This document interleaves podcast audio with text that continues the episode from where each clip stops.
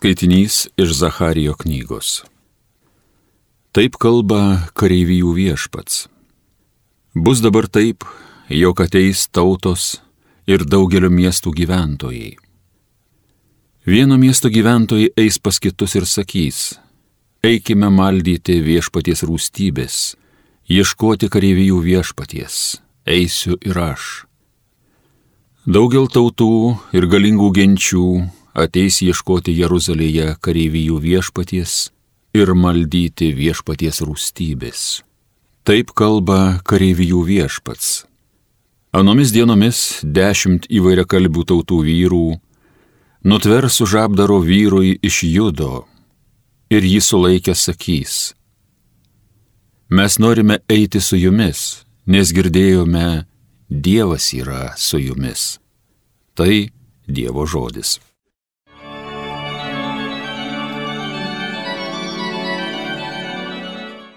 Dievas su mumis, Emanuelis. Šventuose kalnuose Sijono miestas įkurtas, viešpats jį labiausiai brangina iš visų Jokūbo žemės vietovių. Skelbiami garbingi dalykai apie tave, Dievo mieste. Dievas su mumis, Emanuelis. Rahabą, Babelį garbintojais savo laikysiu Štai Filistėjos ir Tyro, taipogi Etijopijos žmonės. Ir jie laikomi bus kaip čia gimę ir kalbės apie Sijono kalną. Motin, jam yra čia gimiai visi ale vieno, jį pats aukščiausiasis laiko. Dievas su mumis, Emanuelis. Viešpats rašys tautų sąrašo knygoj, tautų čia gimtinė o jos augėdos šokdamo šokį, visos manosios versmės iš tavęs trykšta. Dievas su mumis, Emanuelis. Alleluja, alleluja, alleluja. Žmogaus sūnus atėjo, kad pats tarnautų ir savo gyvybės kainą daugybę išpirktų.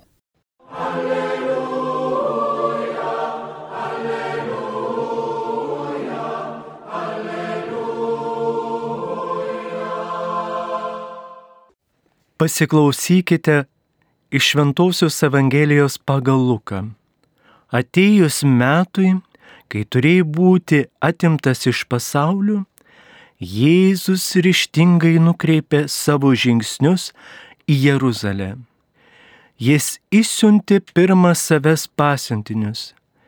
Tie užėjo į vieną Samarijos kaimą paruošti, kur jam apsistoti. Bet kaimo gyventojai nesutiko jo priimti, nes jis keliavo Jeruzalės linkui.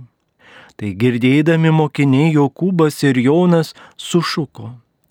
Viešpatie, jei nori, mes liepsime ugniai kristi iš dangaus ir juos sunaikinti.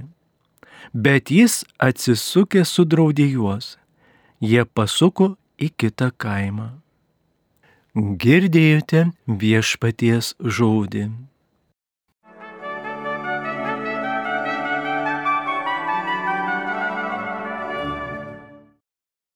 Mėly Marijos radijo klausytojai, šiandien klausydamės Evangelijos pagal Luką, ką šitai mums istorija byloja? Žvelg į Jėzaus tą kelionę, Jėzus keliauja kaip mes matome, iš Galilėjos į Jeruzalę. Ir Jėzui eiti yra dvi galimybės - eiti palei Jordanų upę arba per Samarijos kraštą. Ir čia Jėzus pasirenka antrąjį variantą, kuris yra šiek tiek trumpesnis, bet ir pavojingesnis nes žydai ir samariečiai jau daugelį šimtmečių nesutarė dėl kai kurių religinių tiesų. Daugelis žydų, kurie bandė keliauti per Samariją, buvo persikimi.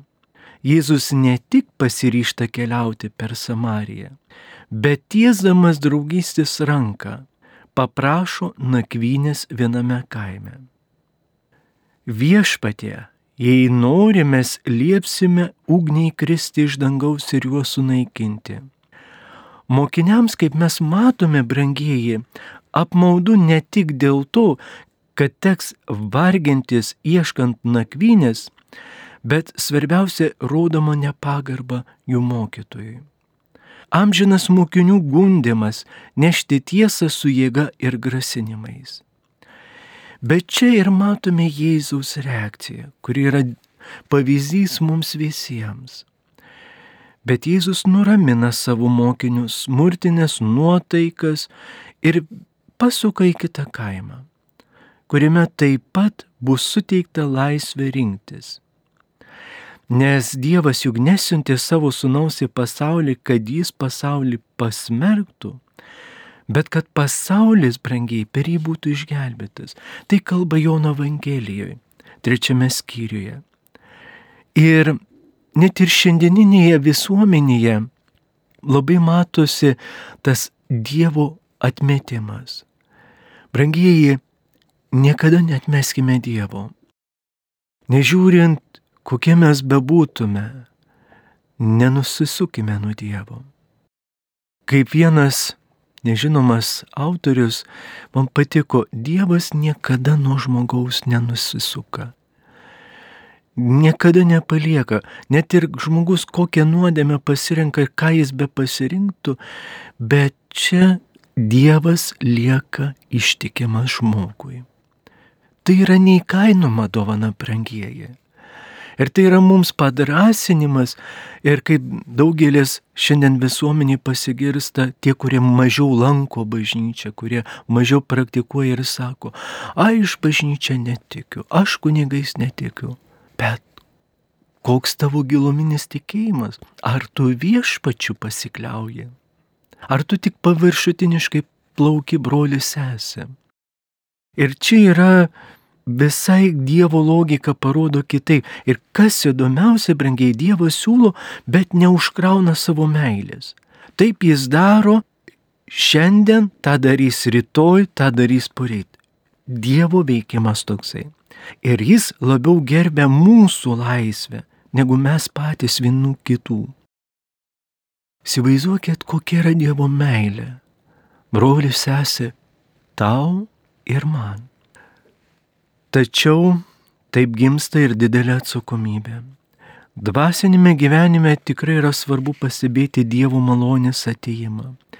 Ir labai svarbu būti pasiruošusiems ją priimti. Todėl nuolat reikia būdėti. Ne vien tik gyventi paviršutiniškai tą gyvenimą, bet iš naujo atrasti santykį su mylinčiu viešpačiu, su Jėzumi Ir šios dienos Evangelija mums puikiai padeda suvokti, kad galėtume priimti Dievą, savo širdį paruošti, savo duris atverti ir pakeisti stereotipus, kurie trukdo priimti tą Evangelijos žinią. Nes dažniausiai mūsų nuodėmės, mūsų puikybė ir trukdo Dievui atverti širdis. Yra labai gražus senas posakis Dievus non deserit, nisi deseratur. Dievas nepalieka, jeigu nėra paliekamas. Dievas nepalieka, jeigu nėra paliekamas. Tad, brangieji, būkite Dievo palaiminti, būkite Dievo sustiprinti ir aukime toje Dievo malonėje tikėjimu, apmastant kiekvieną kartą Dievo žodį, įsiklausant ir pajaučiant Evangelijos grožį. Te laimina jūs visus. Amen.